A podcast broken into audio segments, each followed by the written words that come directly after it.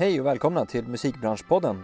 Idag ska vi ägna ett avsnitt åt musikkonferensen Where's the Music som ägde rum för några veckor sedan. Dels så var vi där och pratade med lite gäster och dels var jag och Andreas där och eh, modererade några av de här paneldebatterna som genomfördes.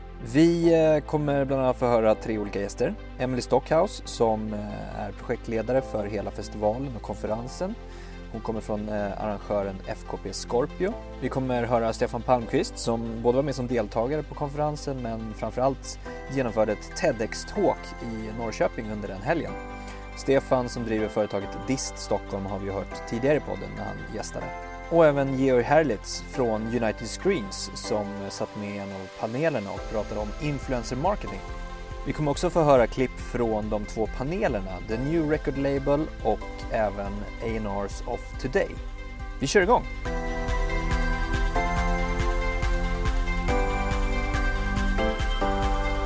Jag tycker vi börjar med att lyssna på Emily, Stefan och eh, Georg. Hej! Är det bra? Ja. Ja. Vi sitter ju på Where's the Music och konferensdelen och precis avslutat första dagen. Ja. Och du är projektledare. Ja. Ja. vad, vad betyder det? Alltså, berätta. Vad gör du här? Jag skulle säga lite som alla, alla kommer till mig nu och säger Hur mår du? Är du stressad? Eh, än så länge mår jag bra för att eh, mitt jobb är väl att förbereda för alla andra och se till att allting blir förberett innan vi är här. Alltså mitt jobb som projektledare är att eh, säga det här vill vi göra. Eh, prata med alla olika avdelningar och säga det här är planen. Lös det. lite så. Eh, och än så länge känns det som att alla har löst sina uppgifter väldigt bra. Det känns som du flyter på jättebra. Ja, än så länge tar vi det. Ja, verkligen. Och så är det en dag kvar. En dag kvar så att vi inte, vi är inte hemma än. Nej. Men du, du är bara ansvarig för den konferensdelen, inte för festivaldelen. Jag är för hela, alltså jag är projektledare för hela festivalen eh, men jag jobbar ju framförallt mycket med konferensen i och med att vi har bokare som bokar och vi har artist relations och vi har, och vi har liksom produktionsansvarig. Så att där för mig är ju bara att se till att de eh, har allt material de behöver för att kunna jobba, att veta vad vi satsa på hur många akter vi vill ha, vad tänker vi med det? Vad är det för liksom, eh, vilka venues ska vi ha? Vad är planen med årets festival? Så att mitt jobb är ju mycket att ge dem ja, men en bild och eh, tidsramar och budgetramar framför allt att jobba utifrån. Du kommer ju från FKP Scorpio. Hur länge har du jobbat där? I snart två år. Nästan snart exakt två år. All right. Och du har hållit lite olika projekt. Mm, men tog över Where's Music inför då 2017, så för ett och ett halvt år sedan typ. Ja, började jag eh, att jobba med Where's Music. Kom in som bara skulle jobba för sommaren, var volontäransvarig på Bråvalla. Sen så tyckte de väl att jag var duktig så jag fick stanna kvar. Grymt. Hur långt innan började du planera en sån här festival och konferens? Alltså jag skulle vilja säga att, att aktivt, alltså med årets festival har jag hållit på med, jag personligen har väl hållit på sedan typ april. Eh, men det har varit mycket så här i, början, jag skulle vilja säga att det är typ ett halvår aktivt jobb. Eh, man vill ju gärna alltid ha mer tid men eh, så som det har varit de senaste två åren är väl typ ett halvår riktigt aktivt. Alla är verkligen inne i det. Och sen som sagt har jag jobbat från typ april med att få in dealer, att se till att saker är på banan och att vi har se över budgetar och all den liksom grejen. Så att jag sen bara kan, skit, här har ni, det här ska vi göra. Så det är världens liksom uppbyggnad inför det här också, och ganska lång tid. Hur kommer det kännas på söndag när festivalen och konferensen är avslutad? Ja men det är så alltid så här när man jobbar event så är det så, det är så himla förlöst. Man är så nervös och man är så här, vad ska hända, vad ska hända? Och sen man har under tiden fram tills nu, jag, jag brukar säga att jag har aldrig varit gravid. Men jag tänker att det är som att vara gravid, att det är lite så här jobbigt och man har ont och man gråter och det är mycket hormoner, det är så här liksom all over the place och det är mycket att göra. Och sen så går du igenom det och det, äh, alltså Where's Music inte världens jobbigaste, alltså den är rätt så enkel jämfört med typ en festival man har utomhus där det är mycket, man måste etablera liksom en hel by. Eh, Så där är väl Where's Music rätt så tacksam men man har suttit och så här, varför gör jag det här i ett halvår och sen på söndag så är man så här, ja, fan, ska vi inte göra det igen? Jo vi gör det igen! Ja, precis. Du har väl en liten sån här post... eh, Ja, jag har lite, lite en, en period där jag kan ta det lite lugnare. Ja, downa lite. Ja precis, det är mycket nu efter så kommer det vara så här betala fakturer, Mm. göra postkalk och se allting liksom. Har, kolla över utvärderingar och Mm. mycket sånt där. Men det har ju inte heller en samma slags ehm, deadline på som gör samma stress. Så att det kommer ändå bli skönt att få lite nu efter att andas lite. Mm. Men sen så är det man tror att det ska ta längre tid men det är jäkligt snabbt man bara vill börja igen Mm. och in i det och köra. Jag förstår det. Mm. Är det någonting på årets konferensfestival som hittills inte har gått som planerat? Eh, ja, ja, vi har haft lite för få nyckelband till våra badges. Asså? Eh, det är, jag vet att det är, och det är helt på mig för att jag beställde samma antal som förra året och hade helt glömt att jag hade exakt samma problem förra året. eh, och sen så är det väl egentligen, alltså det har inte varit några direkt stora problem än så länge. Nu har ju bara konferensen varit. Eh, vi har fått lite avhopp som är tråkigt så att det är väl det jag ska försöka se om man hinner. Det är så kort in på nu för imorgon om man hinner få någon eh, ersättare. Eh, men det har egentligen varit sådana saker. Eh, än så länge, så vitt jag vet, har inte jag fått information om band har ställt in så det är bara lite talare och lite någon agent som skulle komma hit som har fått magsjuka och sånt där. Så det är väl lite sådana saker. Ja men Så bra, vi inget- håller tummarna. Peppar peppar. Ja, verkligen. Eh, ja men grymt. Då eh, säger vi så.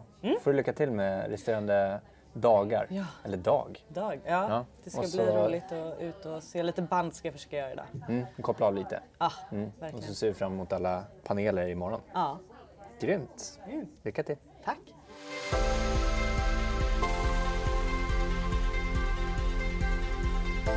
Hej, är det bra? Ja, det är toppen. Ja, Det är toppen. Kul att se dig. Tack detsamma. Vi är ju på the Music Ja. eh, och konferensdelen. Eller hur? Yes. Och eh, du har varit här sedan igår. Ja, precis. Vi, vi kom tidigt. Vi var först på plats nästan. Ja.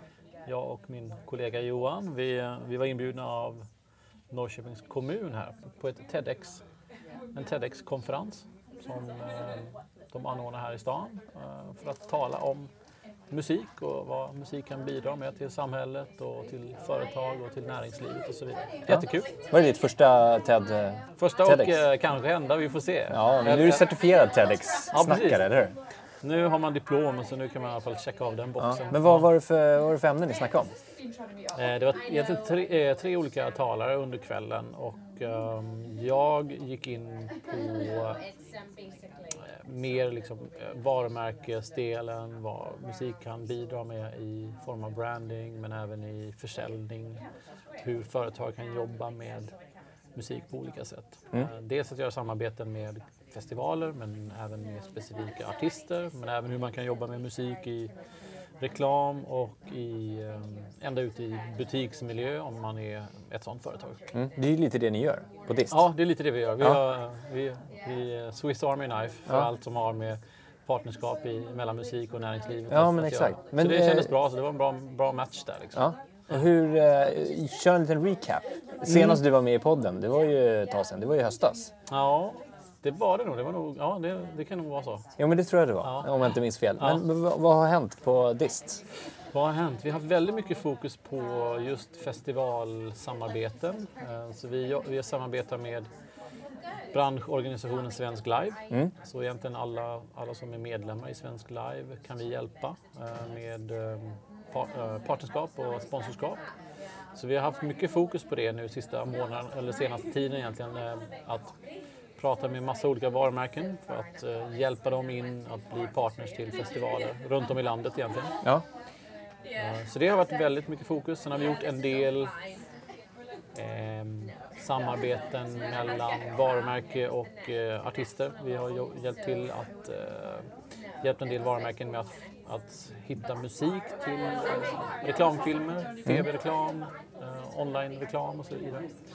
Så där har vi haft ett, ett senaste projektet var väl med Mathem som har hjälpt att, att göra en remix av deras välkända Mathemslåt. ja. Älskad eller hatad som vi snackade om häromdagen. Precis, det är verkligen en vattendelare men eh, Ja. den har verkligen satt Mathem på kartan i alla fall, Ja. den, den låten. Och sen har ni ju börjat utveckla en kurs Ja, hos oss på DMG. ja jättekul. Sjukt spännande. Ja, Så det är jätteskoj. Det ska bli kul att få träffa alla duktiga elever och, um, och umgås med dem under um, fyra veckor ungefär. Ja. Um, och vi ska framförallt prata om marknadsföring. Digital marknadsföring, fokus på det. Precis. Strategier och hur man um, kan använda medielandskapet för att bygga karriär eller bygga varumärken inom musikbranschen. Mm. Jättespännande. Och eh, här på eh, konferensen då? Stannar, ni stannar till imorgon, eller hur? Ja, precis. Vi åker tillbaka Scouta imorgon. läget. Ja, så vi, ehm, I år så kommer vi fokusera på paneler och eh, ja, de seminarier som är Mm. på konferensen. Givetvis hänga med alla sköna människor också. Ja. Och vi, har väl ing, vi kommer inte bidra i någon panel utan det var det här TED, TED-talket som vi körde igår. Ehm, ja, och sen åker vi tillbaka igen imorgon, imorgon eftermiddag till Grymt. Stockholm. Ja. Jag såg ju, ni var och kollade på den panelen som jag modererade. Ja, Fick den godkänt? ja absolut. godkänt. Tumme upp. Tumme upp. Tumme upp. Det Härligt. var en, en bra mix av eh, ja, duktiga personer ifrån branschen och som har liksom, många eh, åsikter om hur saker och ting kan liksom, se ut i framtiden. Så det var Mm. Härligt. Gött. Eh, lycka till så hörs vi och ses. Tack detsamma.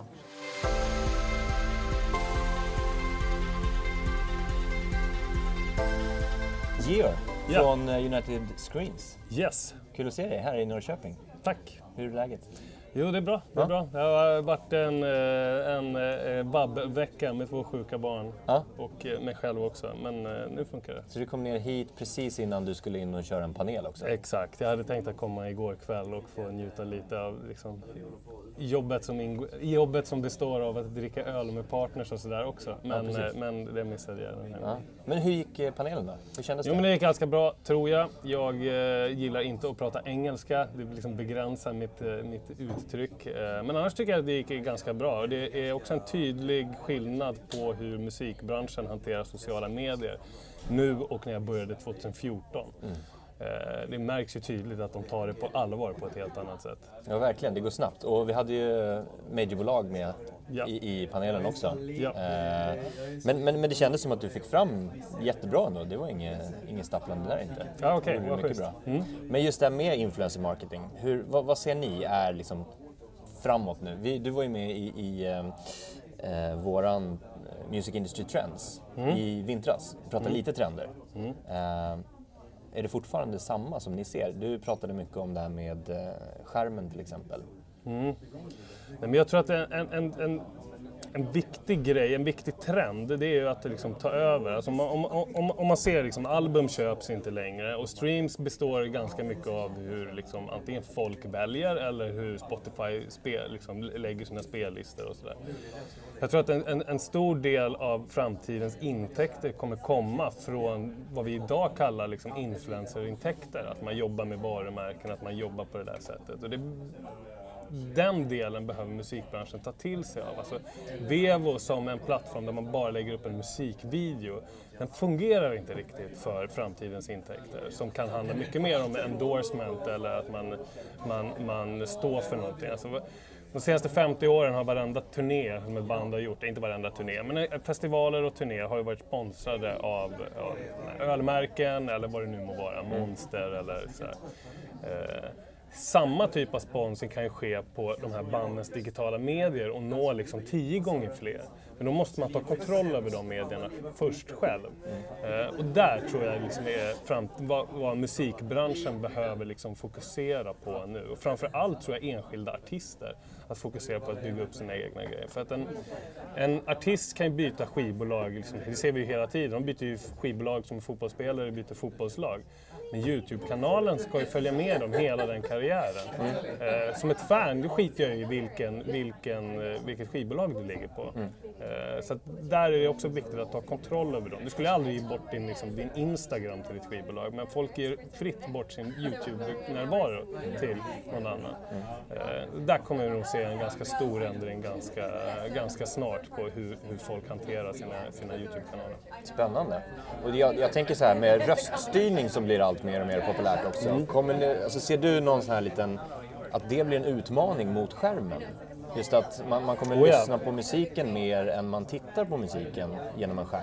Oh ja, absolut. absolut. Och ännu, ännu större anledning då att bygga upp content, att det finns någonting där som inte bara är musik. Eh, podcast skulle ju aldrig vara samma sak om det var om liksom inspelat man behövde det. Utan nu är det här någonting man kan ha när man är ute och promenerar eller när man är och tränar eller liksom i andra sammanhang.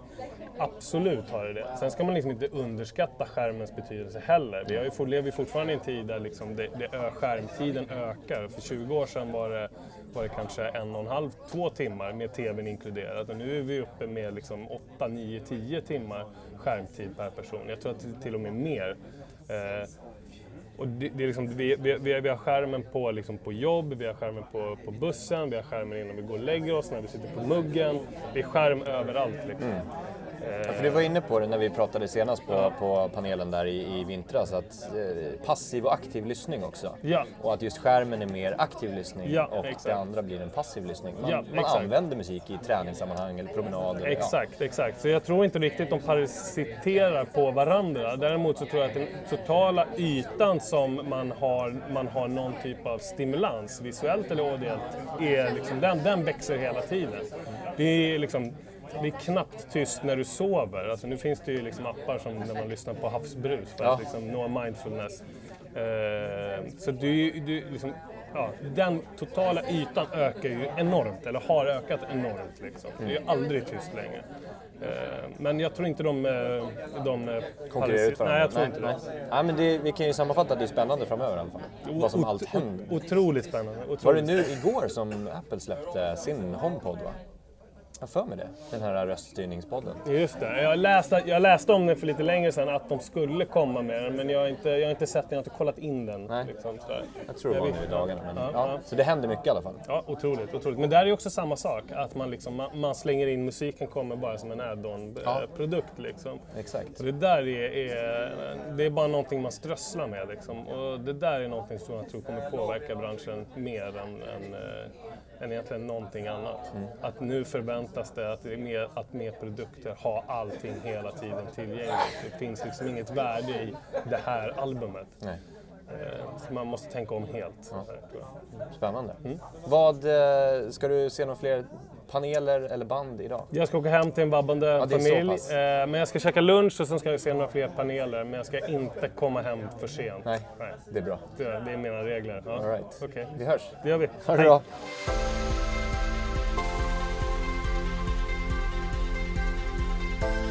Under helgen så genomfördes eh, som sagt ett gäng spännande paneldebatter.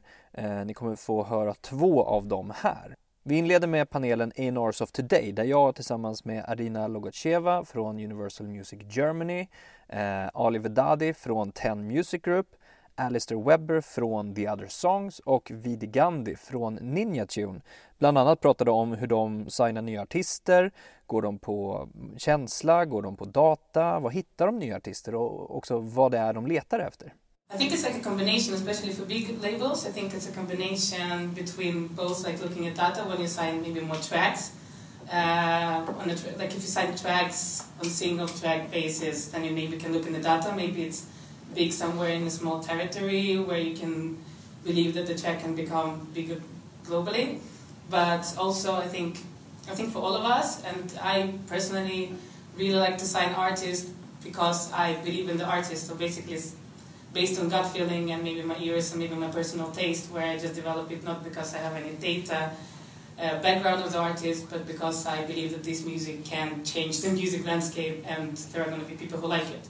usually I, I connect with, with, with, with songs, with songs that send a clear message as well. So a great melody, a great lyric, um, something that I, I, I feel something with.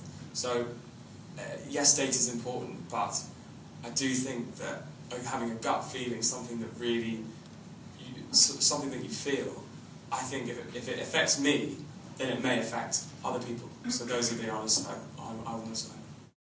Has the, the way you work with signing new artists and discovering new artists changed over time?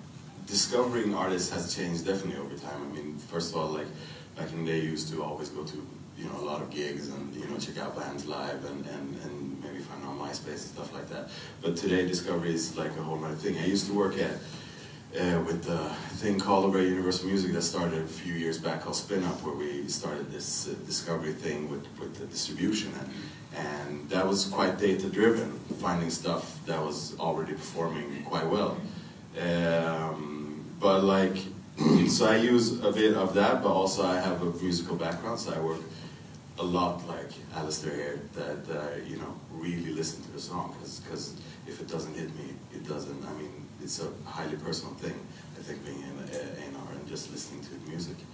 But also, I usually tend to find a lot of stuff like on Instagram nowadays, uh, which, you know, that, that's a great source for because people put up a lot of stuff over there. And, and, and you know, I, I, must say, like the, the latest signing, that, that was totally an Instagram discovery where we finally found her Instagram account and just like clicked on and found, found some music, and that was really cool. So, so I mean, there's so many different ways to discover music today. And Instagram is a great audio quality as well, right? yeah, yeah. totally lost list title would love it. Yeah, yeah, perfect. And and uh, Vidya, what, what, what are you looking for uh, in a new artist when you want to sign one? Mainly um, passion and dedication um, because as a label we're very ambitious people and we're a very young team. Um, there's about 70 of us at Ninja Tune, which is kind of crazy. Um, so I think when we, in, in addition to the music having to be spot on or something we really believe in, um, the, the willingness on the part of the artist to do the work and do the hours is key for us to sign anything because it, they can be amazing and talented and all of that, but if they refuse to do the work, then that doesn't make sense for anyone. The gut feeling, can that get stronger with the help of data? no. No. No? Not at all? No. Actually, it even destroys the gut feeling because you can sometimes like hear a song and you like this is a hit. And then you see the data and like the marketing people like don't sign it because it's not going to work out. And then you have this like gut feeling like it's so fucking good. And they're like but look the curve is going down. And then it becomes a hit. And you're like fuck I should have trusted my gut feeling yeah. so sometimes it even like makes you yeah. it I sometimes wish that on Spotify they didn't have the the numbers mm-hmm. next to it so that people could make their own decisions. It's like when I was playing stuff to my to my ex boss I was like I was like yeah this is great. Then you look up on Spotify and have two plays and you go, oh shit. oh, do you agree? Once again, in, in many cases of, of, of uh, people coming in with Instagram follower uh, accounts of over like 300,000 followers in Sweden being like, or they're a model or whatever, and they want to do like, you know, start doing music and they're confident in that, you know, all those 300,000 followers on Instagram will definitely listen to that song and, and like, you know, depending on that. And, and, and it doesn't really work that way it all comes down to the song, and, and, and you know those followers don't don't necessarily you know uh, count as the, the people that stream your music later, because right. they're following you for another reason maybe. Do you other guys uh, use any other platforms or technology to help you? I actually think technology is so useful when it comes to marketing an mm. artist, i.e., you know, for example, the data you get with uh, through distribution channels like AWOL or whatever, and actually seeing where your streams are coming from, your artist streams are coming from, so you can plan better tours and you can be more efficient that way. I think that's something in the last few years I've really seen, like new technology in, in these areas be useful. But um, in terms of actually signing or A&Ring something, I'm not sure whether anything's changed that much. How about you? What's uh, what's your first thought when, when you're being approached by an artist when, when you get that song? Um, I generally like to hear from someone who is very passionate but not rambling like I am right now. but um, yeah, kind of clear and, and concise about why they're sending you their music and someone who's researched the label uh, because oftentimes you'll just hear from anyone and everyone and whilst we listen to every submission ever made um, it's kind of a bit pointless if you're like some completely like mainstream hip hop artist hitting up an indie label. It makes no sense. Um, so that's definitely one thing um, that I look for when, when artists approach us. Um, when I approach an artist, I usually just chase them around town. That's usually how it goes. It's like, I love it. Please meet me. Please meet me. Please meet me. And that's it. Yeah. yeah. And is, is that a challenge for you to to uh, like persuade them to uh, the fact that they can release their music by themselves. Is that a challenge for you? Yeah, we've come up against it a fair bit. Like I was saying earlier, there's a lot of questions um, that especially dance music um, artists are saying, well, we've had 200 million streams on this one song and it's still going, so I don't have any reason to sign to you. And if I do, then the, the paycheck needs to be more than what this 200,000 streams gives me. Um, and that is a very difficult conversation for us to have as an indie because we don't have an endless supply of money and nor do we have the same access to playlists that the majors do. So it's definitely um, I mean, it's, it's not an easy conversation, but we're having them all the time, and sometimes you win and sometimes you don't. Labels have to prove their worth because it's much easier to release music by yourselves now than it was 10, 15 years ago. So you really, really do have to prove your worth. So gone are the days where record labels were the way you released music. So artists were, were dying to sign to a, a major record company or an independent record company or, or, or whatever. Whereas now there's so many options. So, so I think it's a really good thing. I think we're entering a process now where, where the creatives, the creatives in the industry, from the business perspective, from, from labels perspective, will have to get better. Will have to really, really work hard and offer something that the artists can't do just themselves. I totally agree, and, and there's a there's a new generation of people definitely like I definitely feel it in Sweden. I've been meeting with people that you know have been turning down young people turning down major label deals, and that wasn't like a thing uh, a few years back, but now it definitely is. But uh, and and it's all about you know the relationship. You can go around talking to every uh, record label in town, but it's all gonna you know come down to you know who you want to work with and who believes in your process and, and what you want to do. Yeah. But do you have do you feel that you have to explain why? uh, they need you as a record company? Do they know why they sign to a record company?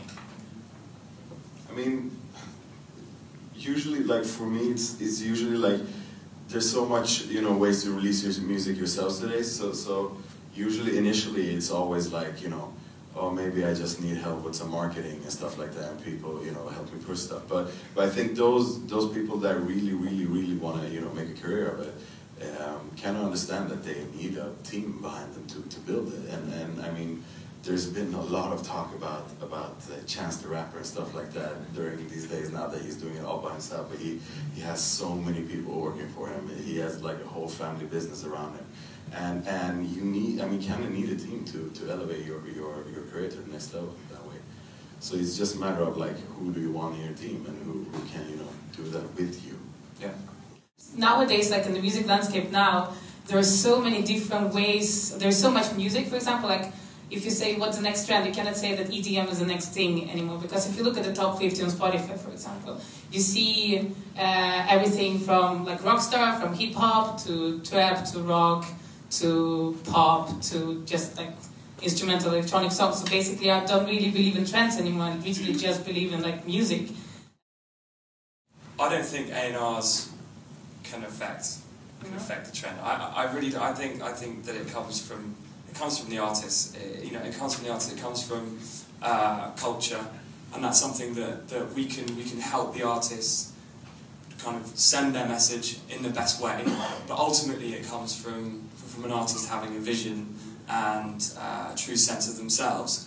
And, and primarily, I think it comes from a, a, great song. It comes from a great song that sends a message, and, and, and that great song can always be released no matter what time period. You know, if, that, if it is a great song that sends a message that people can relate to, it doesn't matter. It doesn't matter. Yes, sounds change, but you don't have to download the latest hi-hat package to know to know what the next trend is going to be. It's it's about it's about it's about a song. The thing is, like, I don't, I don't believe, I don't believe, like, in the in the A&R role changing. Uh, I mean, the A&Rs because everybody works really, really differently as A&Rs. So basically, uh, the more old school A&Rs work in another way. Some people are really close to the artist, some are not. I think the landscape around will change. I'm not sure if there are going to be that many major labels in 10 years. Uh, I think like the role of the label will change really, really much uh, because it's going to be more like internet, like streaming based.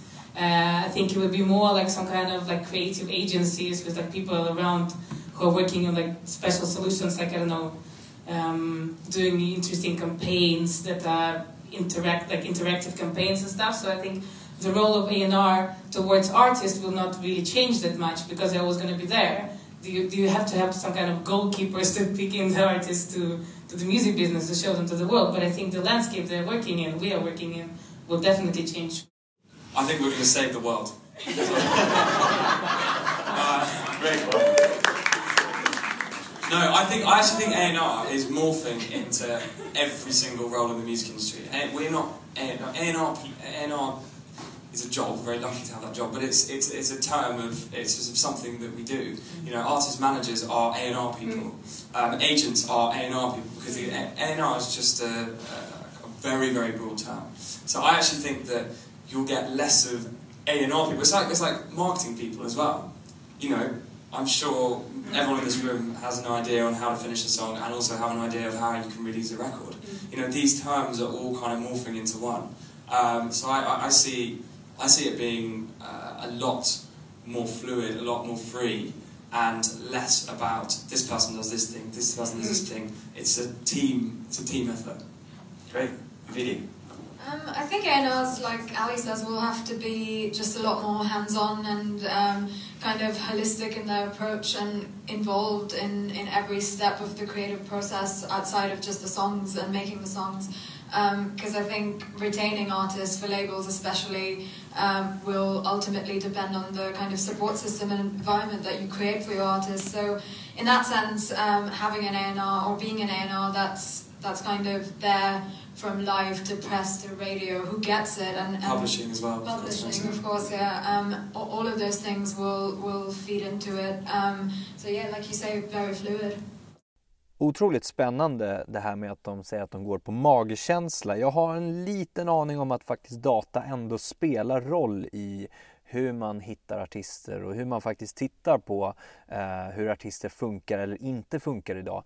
Eh, och just det här med att magkänslan, om den kan bli starkare med hjälp av data, eh, som de i det här fallet då inte säger att den gör. Jag menar inte att de ljuger och inte menar det de säger, det tror jag absolut att de gör, men jag tror någonstans att man ändå Eh, är så, så pass eh, driven av både data och hur det faktiskt influerar eh, lyssnare idag och hur det influerar beslut. Så att jag tror att någonstans så har man det ändå i, i bakhuvudet även fast det inte är det första man tänker på.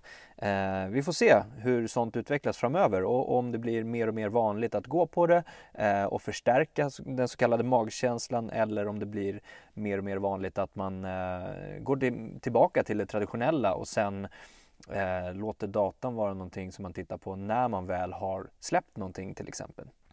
Vi fortsätter med panelen som heter The New Record Labels där jag tillsammans med Nicky Amini från Amuse, Patrik Larsson från Playground Music, Erik Olsson från Jubel och Josefin Lundgren från Universal Music pratade om dagens klimat för musikbolag.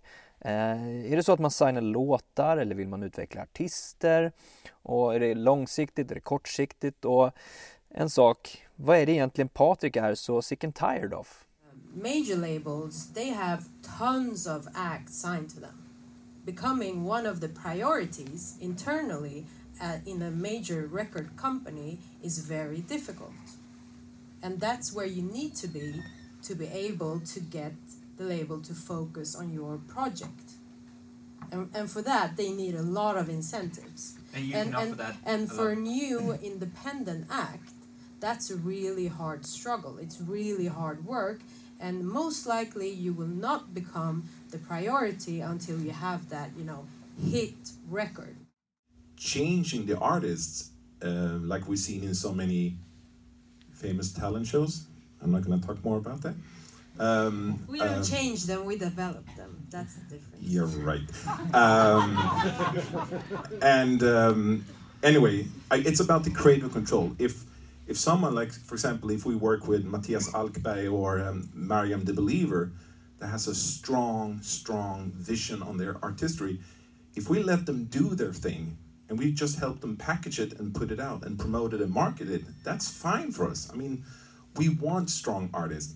They don't have to know 100% of the business model, but they need to know who they are as artists. That's even more. And then they say, you respect my decision as an artist, you believe in my vision, great. Then I'm ready to give you 20, 30 or 40 or 50%. That's that's fine. But if you don't have that dialogue first, then it's where it's going to be very damaging down the down the road. Nikki, what do you think? Should artists focus more on the business side or the creative side overall? I mean, if, if you're a business minded artist, then yes, definitely you'll benefit from, you know, focusing on a little bit of both, but maybe mo- mostly on the on the creative side. Otherwise, you know, you can't do everything on your own. It's always important and good, regardless, to, to have a good team of people around you that you can trust and you, you share the same visions and strategies and, you know, you have the same goals. The only thing I'm saying, I'm so sick and tired of hearing that you know it's the death of the record industry, labels, etc. All of these classics cases we hear about is because people don't know what they're signing. Seems like people spend more time figuring out which shoes they're gonna buy instead of reading the contract that could change their life forever. I'm a little bit tired of that, so I need to just. There is a lot of situations that could have been avoided if people understood what they were signing and, and said, I'm not going to sign this. I've checked with a lawyer, it's a rubbish deal.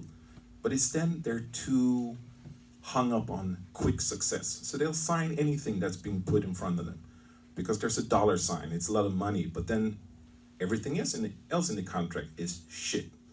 So, you know, take your responsibility and it will be a healthier industry. what I what I love uh, in the music industry now is uh, everything everything is changing fast, uh, and we the music industry is like uh, leading change in some kind of technology uh, development, and also being in Sweden in that because we are somehow like front runner with in uh, in that sense. So what we do here now will be probable to be uh, copied uh, uh, throughout the world uh, in some years. Thank you. Josephine, what's exciting?